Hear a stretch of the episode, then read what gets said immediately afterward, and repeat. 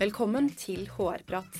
I denne podkasten intervjuer vi HR-ledere, ledere og andre spesialister på sitt felt for å diskutere de utfordringene som dagens HR-ledere står overfor. Vi tar opp temaer innen ledelse, organisasjon, arbeidsrett og praktiske utfordringer innen HR. Mitt navn er Lene Gjevert, og jeg jobber som HR-manager i Visma. Velkommen til ny episode av HR-prat. Dagens tema er rus og avhengighetsproblematikk. Og for å snakke om dette har vi invitert Camilla Bakking, Velkommen til deg. Takk for det. Kan ikke du begynne med å fortelle oss litt om deg selv? Jo, eh, jeg heter Camilla og er eh, fagleder i Akan kompetansesenter. Der har jeg jobbet i litt over 20 eh, år. Og da har jeg vært hva skal jeg si, rådgiver og kursleder da, i, i alle de årene. Og når man er kursleder i Akan eller rådgiver, da treffer du norsk arbeidsliv hver eneste dag. Enten ved at vi er ute på bedriftsbesøk eller holder kurs ute i virksomhetene. Eller via veiledningstjenesten vår, som er en telefon- eller chattjeneste. Sånn at vi er i daglig dialog med norsk arbeidsliv knyttet til tema rus- og avhengighetsproblematikk. Mm. Jeg må jo innrømme at før jeg skulle treffe deg i dag, så har jeg kjent på litt dårlig samvittighet. For jeg vet at dette er et område som kanskje ikke får det forebyggende fokuset det burde for meg i, i min rolle. Så jeg vet ikke, er jeg alene om dette her, eller får rus- og avhengighetsproblematikk først et fokus når det oppstår et problem eller en hendelse på arbeidsplasser? Ja, for det første så skal du slippe av dårlig samvittighet for det, da. Takk for å ha sagt det. Ja. Ehm, jeg tror det er helt riktig det du sier, at dette temaet får først fokus eller oppmerksomhet når man har kjent det på kroppen. Og det tenker jeg er eh, helt naturlig. For det første så er forebyggende arbeid et vanskelig tema, fordi det er så vanskelig å se effekten av det. Og ja. det er vel kanskje hele poenget, at du skal forebygge for at du ikke skal se noen eh, konsekvenser da, av det du ønsker å forebygge. Eh, men det er vanskelig å måle effekten av det, og jeg tror også det er helt reelt at det er vanskelig å sette fokus på forebyggende arbeid når du ikke ser på tematikken som et problem. Ja. Så helt naturlig, når eh, virksomheter, HR eller ledere ringer inn til oss, så handler det ofte om at de har fått en situasjon rett i fanget. Ok, Men hva er typiske saker som arbeidsgivere da kommer med? Det aller typiske, det er ledere som ringer og sier at det er noe rart med en ansatt. Ok. Og så spør vi ja, hva er det som er rart, for nå har du i hvert fall ringt til Akan kompetansesenter. Eh, nei, det er bare noe som er rart. Han har forandret seg i det siste. Og så prøver vi å nøste litt. Mm. Og så handler det jo da ofte disse forandringene, når det blir satt litt ord på, så handler det gjerne om tre ting. Og det er endringer i fravær hos en ansatt. Det kan være endringer i atferd hos en ansatt. Eller endringer i arbeidsprestasjoner. Ja. Og dette kan vise seg på veldig mange forskjellige måter, men det er noe som gjør at leder har fått en dårlig magefølelse. Og ofte så stemmer den magefølelsen, så den er litt viktig å lytte til. Eller så kan det også være situasjoner hvor det er et konkret brudd på et arbeidsreglement. Mm. Eller brudd på en policy. Og da kan du jo nesten definere det som en personalsak, sånn at det kanskje har endt opp på bordet til HR, da. Ja. Og blitt egentlig en krevende eller litt vanskelig sak. Og så ringer de inn til oss for å få råd og veiledning. Mm. Og hvordan, eh, altså, hvordan går man altså, Eller kanskje før eh, man skal snakke om håndteringen, hvorfor vegrer man seg kanskje for å ta tak i ting når det kun er magefølelse? Hvorfor eh, tar vi ikke tak i det før det faktisk blir en kanskje personalsak, da? Ja, det er jo tusenkronersspørsmålet, ja. holdt jeg på å si. Og um, det handler om mange ting, tror jeg. Eh, kanskje hovedsakelig at vi er veldig redd for å ta feil. Og når vi snakker om dette temaet, rus- og avhengighetsproblematikk, så tror jeg vi eh, bare har en oppfatning om at dette er noe sånn privat, eh, og at vi kanskje beveger oss langt inn i privatsfæren til folk. Mm. For det handler jo ikke om at folk drikker eller ruser seg eller spiller eller doper seg på jobb og innenfor arbeidstiden nødvendigvis. Det er det et veldig fåtall som gjør. Ja.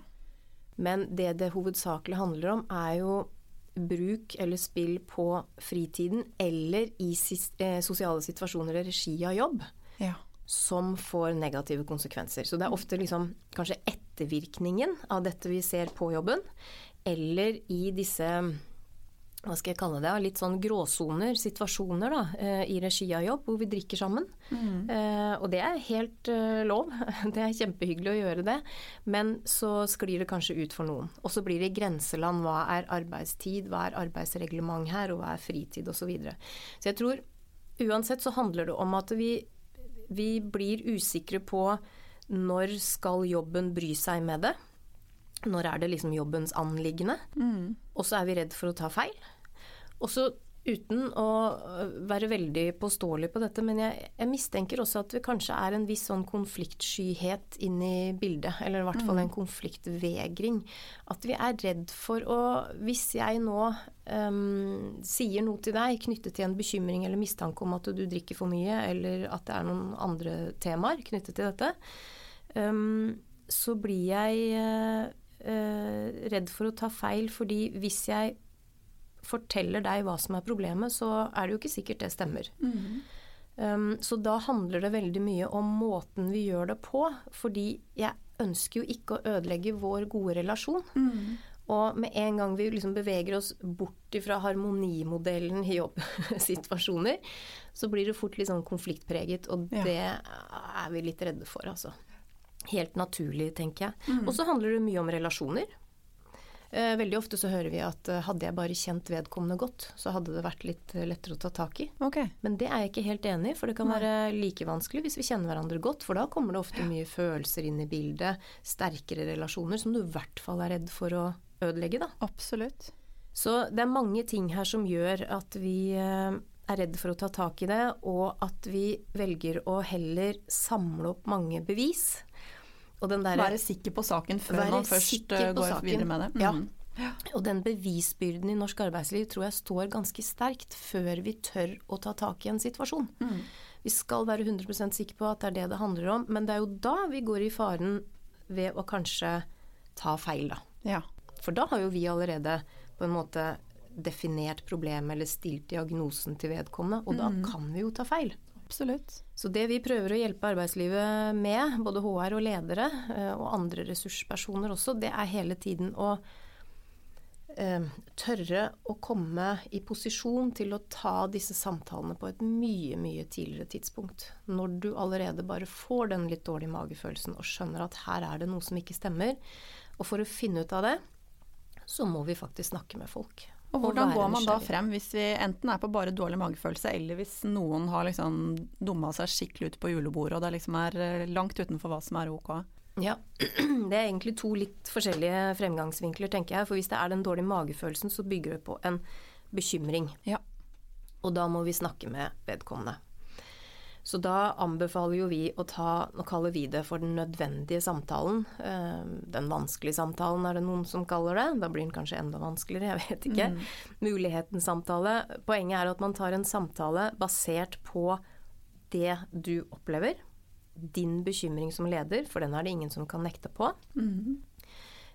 Og rett og slett spørre hva som skjer å komme i en dialog. Det er jo det som er ønsket. At vedkommende skal føle seg såpass trygg at de kan fortelle deg hva det handler om. Mm. Og så skal du ikke forvente nødvendigvis kanskje verken sannhet eller innrømmelse eller erkjennelse av noe problem. I hvert fall ikke i den første samtalen. Men det handler jo om å vise at jeg ser deg, jeg bryr meg. Eh, jeg ønsker å ivareta deg på best mulig måte og hjelpe deg hvis det er noe jeg kan hjelpe til med, men da må du fortelle meg hva det handler om. Mm.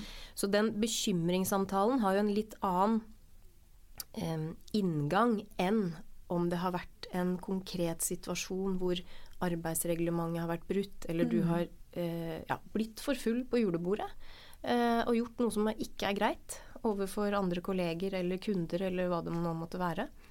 For da handler det jo mer om å reagere på den situasjonen. Mm. Og si noe om at vet du hva, dette er ikke akseptabel atferd mm. når du jobber hos oss. Um, så dette må jeg reagere på. Ja.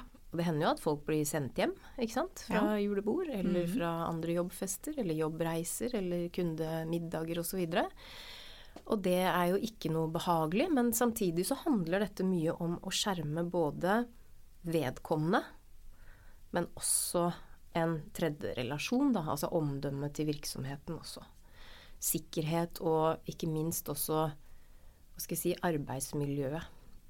Mm. For dette preger jo tillit eh, mellom kolleger og mellom leder og, og, ansatt. Så da handler det mer om å redde liksom, den situasjonen, og så får man heller ta en prat dagen etter. Mm. For det er ikke veldig hensiktsmessig Nei. å snakke med en som ikke er helt edru. Men så der, der handler det om å, å, å liksom trygge den situasjonen og redde den. Mens denne samtalen som baserer seg mer på bekymring, der har du jo muligheten til å gå litt varsomt fram, mm. men samtidig være tydelig. Ja. Og det ligger mye omsorg i det å være tydelig. Det ligger mye omsorg i det å sette grenser. Mm. Men det er klart, skal du få til dette her, så er det veldig fornuftig om man i forkant da, har snakket om hvor går grensene akkurat i vår virksomhet. Ja. Hvor er våre rammer? Eller det som vi kaller for å formulere en policy mm. for rusmiddelbruk og spill. Fordi du vet, arbeidsmiljøloven sier ikke noe om dette her. Så dette må vi faktisk eh, beskrive selv. Og da handler det jo om at den enkelte virksomhet, basert på sine verdier, basert på sin virksomhetskultur, basert på sine yrkesgrupper, arbeidsoppgaver og hvordan man jobber, eh, definerer disse rammene eller grensene selv. Hva er greit, og hva er ikke greit? Mm. Når er det greit, når er det ikke greit? Altså hvor går grensen for hva slags atferd vi kan ha da når vi drikker sammen? For det er jo bare å erkjenne at vi, alle norske virksomheter har en alkoholkultur. Mm. Og det er helt greit, det. Ja. Men vi må tørre å snakke litt om det. Mm.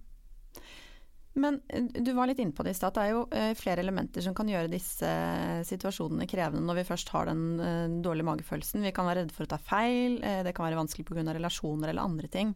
Kan du si litt om hvordan skal man forholde seg til de elementene som vi ofte opplever at kan gjøre det mer krevende å ta tak i de situasjonene? Har du noen gode tips der? Ja, det er jo ikke til å legge skjul på at mange syns og opplever dette som krevende situasjoner og krevende samtaler. Jeg har møtt så mange ledere og HR-ansatte som sier at vi kan snakke om nesten alt i vår virksomhet. Eller den eh, berømte 'her er det så høyt under taket'. Eller 'døra til ledere er alltid åpen'. Det er jo veldig fint å høre, men det er litt spennende å utfordre det noen ganger, den takhøyden. For det er ikke alltid det er like lett å snakke om alt. Men det veldig mange sier, er at men rus, avhengighetsproblematikk eller mistanke knyttet til det, det er det tøffeste. Ja. Og det handler om de tingene vi snakket om i stad, ja. Og så handler det mye om at du vet ikke hva slags følelsesregister som kommer hos vedkommende. Um, det er knyttet mye skam og tabu til dette temaet fortsatt. Ja. Og det er klart at dersom du som ansatt er i ferd med å bli avslørt for kanskje det du skjuler hver eneste dag for alle rundt deg, så blir du for det første livredd for hva som skjer med jobben din. Eh, og jeg tror de fleste frykter det da, at nå ryker jobben. I motsetning til å kanskje oppleve at man blir ivaretatt da, eh, og får hjelp. Så det er mange måter å tilnærme seg dette på ved å vise omsorg, ved å vise genuin interesse, eh, og ved å kunne tilby hjelp. Og så må du orke å stå i de følelsene som kanskje kommer fra vedkommende. Og det kan være krevende, men det er ikke farlig. Ikke Følelser er ikke farlig. Um, uansett reaksjon du får hos en ansatt når du har tatt en samtale knyttet til disse temaene her, så har du satt i gang en prosess. Og du har satt i gang um, tanker og refleksjoner hos vedkommende som kanskje vil åpnes opp underveis, sånn at du kommer litt lenger i neste samtale eller i tredje samtale. Mm. For vi må nok tro um, og forvente at dette krever litt flere samtaler ja. enn bare den ene. Og så høres det kanskje ressurskrevende ut, men jeg kan love at det er enda mer ressurskrevende og tidkrevende ved å ikke gjøre noen ting. Absolutt. Ja, for vi har ledere som ringer inn, og jeg skjønner at de, eh, ja, de bruker masse tid på bekymringer. Og det er mange søvnløse netter, og det er mye frustrasjon altså, før de tør å ta det skrittet da, til mm. å snakke med vedkommende. Ja. Du var jo inne på at det også er krevende å jobbe forebyggende med disse tingene. Men er det noen ting du mener virksomheter i hvert fall bør ha i bunn eh, før de sakene oppstår? Ja, det, jeg nevnte dette med å ha en policy, eller ha denne grunnmuren, eller disse rammene for hva som er greit og ikke greit da, i, i virksomheten. Og det er nok det vi eh, anbefaler eh, i første hånd. Hvis dere ikke har en policy i virksomheten for rusmiddelbruk og spill, så eh, sett i gang en diskusjon rundt det. Mm. Løfte opp ulike situasjoner, ulike dilemmaer. Vi har mange dilemmafilmer på nettsiden vår som man kan bruke til diskusjon. For det løfter fram de ulike stemmene og får opp en del problemstillinger som hjelper dere i gang med hvordan skal vi håndtere disse ulike dilemmaene hos oss. Og det er et godt sånt grunnlag. Og når jeg sier formulere en policy, så høres det veldig stort ut for mange. Og vi har så mange policyer, og skal vi ha enda en policy osv. Mm. Det er jo ikke, man tar jo ikke bølgen av dette, kanskje. Men det skal være enkelt. Ja. Så hvis du klarer å formulere det med fem punkter, ja.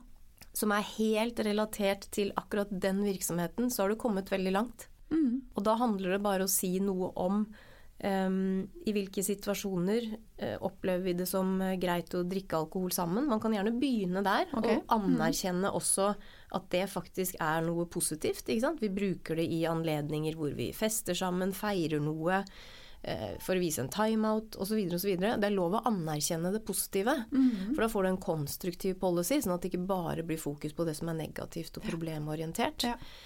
Og det er lettere for folk å relatere seg til, ikke sant. Absolutt. Så det der med å å bestemme seg for hvilken tone vil vi nå ut med dette budskapet på, og hvilken form. Mm. Det er en viktig del av det. Men fem punkter som definerer litt disse rammene, og også selvfølgelig sier noe om um, dersom dere har ansatte som f.eks. er mye ute og reiser, mm. enten reiser alene, kan være noe risiko forbundet med det, eller er mye eh, i sosiale situasjoner sammen med kunder, representerer osv., så, videre, så vet vi at dette er anledninger hvor det drikkes en del alkohol. Ja. Og da kan man si noe om akkurat de arenaene og mm. hva som gjelder der. Men hvor, hvor, måte, hvor, inngripende bør man da være i en sånn policy? Ja, Det er jo et godt spørsmål, og det er jo noe den enkelte virksomhet må bestemme seg for selv. Da. Men vi tenker jo at det, det handler jo ikke om å forby noe av dette. Det handler ikke om å forby å drikke sammen med kunder eller skåle inn avtaler eller ha disse festene. Det handler kun å si noe om dersom det sklir ut, ja. hva gjør vi da? Vet de ansatte hvem de kan snakke med dersom de opplever ubehagelige situasjoner? Mm. Eh, vi skal ikke snakke om metoo, men det er jo også et element inni Absolutt. dette. ikke sant? For de situasjonene der, det har skjedd i sosiale situasjoner hvor vi drikker sammen. Det er ikke nødvendigvis, altså Noe hadde sikkert skjedd uten alkohol, men de fleste av disse situasjonene har skjedd når vi drikker sammen. Så det å bare snakke om alle disse tingene sånn at Eh, folk føler seg ivaretatt, inkludert og syns det er hyggelig og trygt å være i de sosiale situasjonene. Det er kanskje det viktigste. Så trenger man ikke nødvendigvis å sette sånne helt klare grenser. Men det handler om Det viktigste signalet dette gir, er kanskje at vår virksomhet, hos oss, så tør vi å snakke om dette også. Mm. Vi har løftet opp uh, tematikken på agendaen i et kulturelt perspektiv, i et bedriftskulturperspektiv, løfte det kanskje inn i verdiene våre. Mm. Og da viser man at dette er et tema som vi tør å snakke om, og som betyr noe for oss. Like mye som andre policyer eller verdier eller det kulturelle arbeidet vi Mm. gjør, da. Og det tror jeg kanskje er det viktigste signaleffekten, for da tenker man at hm, her har vi ledere, her har vi en HR-avdeling som tør å snakke om dette også. Ja. Som inviterer til at man kan si ifra dersom man opplever situasjoner som er ubehagelige, eller til og med si ifra selv dersom man er bekymret for egen situasjon. Ja. Så det er kanskje det viktigste med å legge den grunnplattformen der via en tydelig policy. Si hvor rammene er, og så gjøre den kjent i Mm. hele virksomheten. Ja. Og da har vi igjen ulike verktøy, som disse filmene. Vi har andre mm, digitale verktøy si, som ligger tilgjengelig på nettsiden vår, som man kan bruke for å forenkle det arbeidet. Da. For da, jeg skjønner jo at både ledere og HR blir litt sånn skeptiske og kanskje også redde for hvordan man skal gjøre det uten å bli oppfattet som den festbremsen som du er litt inne på, ikke Ja. sant? Um, eller moralisten, da. Mm. Vi er usannsynlig dårlige til å snakke om særlig alkoholforbruk i Norge. Mm. Uten å bare enten fjåse det bort, eller blir kalt eller oppfattet som moralist eller festbrems. Og det er jo litt paradoksalt med tanke på at eh, 90% av oss drikker alkohol Ja. på den vanlige norske måten. Og så tør vi ikke snakke mer om det enn det vi gjør da. Mm. Mm. Men eh, har du sett på noe vis at dette her har endret seg det siste halvåret? Altså, det er jo eh, mer krevende å fange opp eh, disse problemene vi er inne på når ansatte jobber hjemmefra. Eh, og det er kanskje andre typer problemstillinger som dukker opp, eller hvordan har dere sett på det den siste tiden? Det er helt riktig. Vi har, um, altså Uken etter lockdown så fikk vi uh, fortsatt like mange henvendelser som vi alltid får, men henvendelsene dreide seg om hjemmekontorsituasjon. Mm.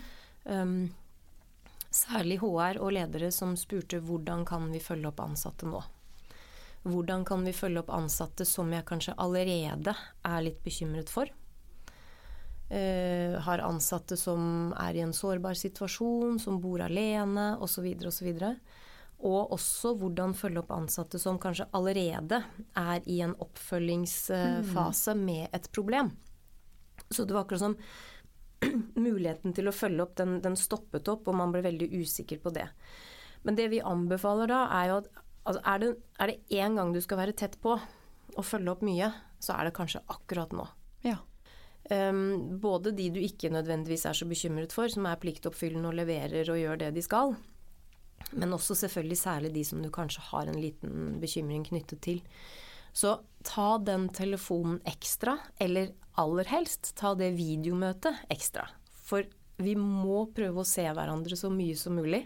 Mm. Selv om det ikke blir like reelt som om vi ses uh, fysisk. Men det er én måte å gjøre det på. Og vi har hatt henvendelser fra ledere som via videomøte har sett og skjønt at ansatte ikke har det helt greit. Ja. Så det er viktig. Og så er det viktig å opprettholde faste rutiner og faste møter. For hvis man ikke har det veldig greit eller enkelt fra før av, så ramler det jo enda mer sammen dersom man mister alt av det faste.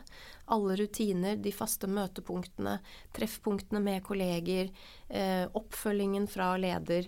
Det blir, kan bli ensomt. Eh, man skal være ganske strukturert for å liksom klare dette på samme måte. Da. Dette gjelder ikke alle, men det er noen få. Så det å opprettholde faste møtepunkter, gjerne også legge inn uformelle møtepunkter. For nå mm. mangler vi den derre uformelle praten rundt kaffemaskinen, ikke sant. Eller morgenkaffen. Så sånn som vi selv gjorde i Akan kompetansesenter, vi innførte digitale kaffe, eller morgenkaffer hver mm. morgen. Og det har nesten alle vært med på hver eneste dag. Ja. Det er en måte å treffes på, bare snakke litt uformelt. Mm. Så det å ha den derre jevnlige kontakten, og selvfølgelig, hvis du aner eller får den minste mistanken om at her er det noe som ikke er greit, så må du tørre å spørre med en gang. Mm. Og ikke reservere deg fra det og tenke at nei, dette kan jeg ikke ta tak i nå. Men du må heller være på. Ja. Og spørre hvordan vedkommende har det, hvordan det går. Eh, hvordan det går i jobbsituasjon, hvordan det er å kombinere dette med hjemmekontor osv. Og, så og familieliv og alt. Eh, så ikke være redd for å være litt direkte og spørre mye mer enn det vi kanskje hadde gjort ellers, altså. Mm. Litt ekstra omsorg enn det vi har pleid å vise for hverandre? Litt, ja, litt ekstra omsorg. Um, og selvfølgelig i de oppfølgingsprosessene som man eventuelt har, med Akan-avtaler osv., så, videre, så må man i hvert fall være tett på. Mm.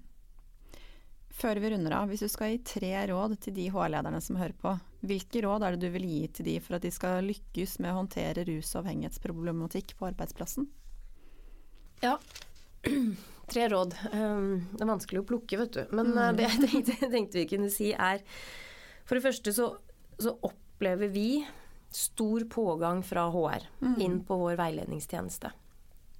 Så HR uh, er en viktig ressurs i dette arbeidet. Både på det forebyggende, men også ved å håndtere. Men så det første jeg tenker er dersom dere ikke har snakket om dette på arbeidsplassen din, Dersom dere ikke har en policy på plass allerede, ta initiativ til å formulere og forankre og gjøre kjent en policy for rusmiddelbruk og spill på din arbeidsplass.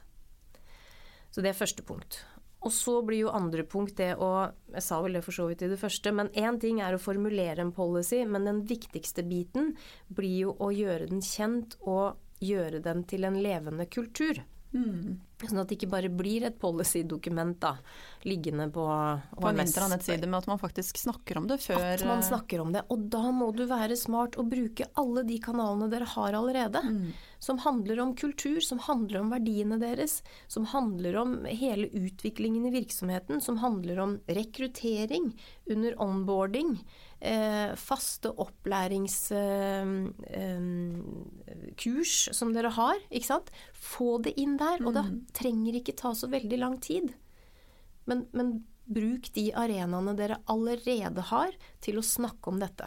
Ja. I en eh, positiv og god mm. måte. Mm. Dette er viktig for oss for at vi skal ha den kulturen vi ønsker på denne arbeidsplassen. Riktig. Mm. Og da kommer jeg til tre, eh, tredje punkt, og det er rett og slett å sørge for at dere har ledere som er trygge nok til å gjennomføre samtaler på et tidlig tidspunkt. Så kanskje bør man ta en liten sånn status på um, tryggheten eller kompetansen blant ledere i virksomheten på hvor de er i forhold til å gjennomføre sånne typer mm. samtaler. Og det handler ikke bare om samtaler knyttet til rusavhengighet. Disse samtalene som vi kurser i, har jo overføringsverdi til andre vanskelige samtaler. Men sørg for at lederne har det verktøyet, at de tør å gå tidlig inn og snakke med ansatte. For vi ser at disse samtalene her reverserer uheldig utvikling og sparer dere for mye. Um, ja, både bekymringer og jobb og problemstillinger senere. Og i hvert fall at det tas før det ender opp på HR sitt bord, mm. som en ganske langtkommen personalsak. Så jeg tror det var de tre punktene. Mm.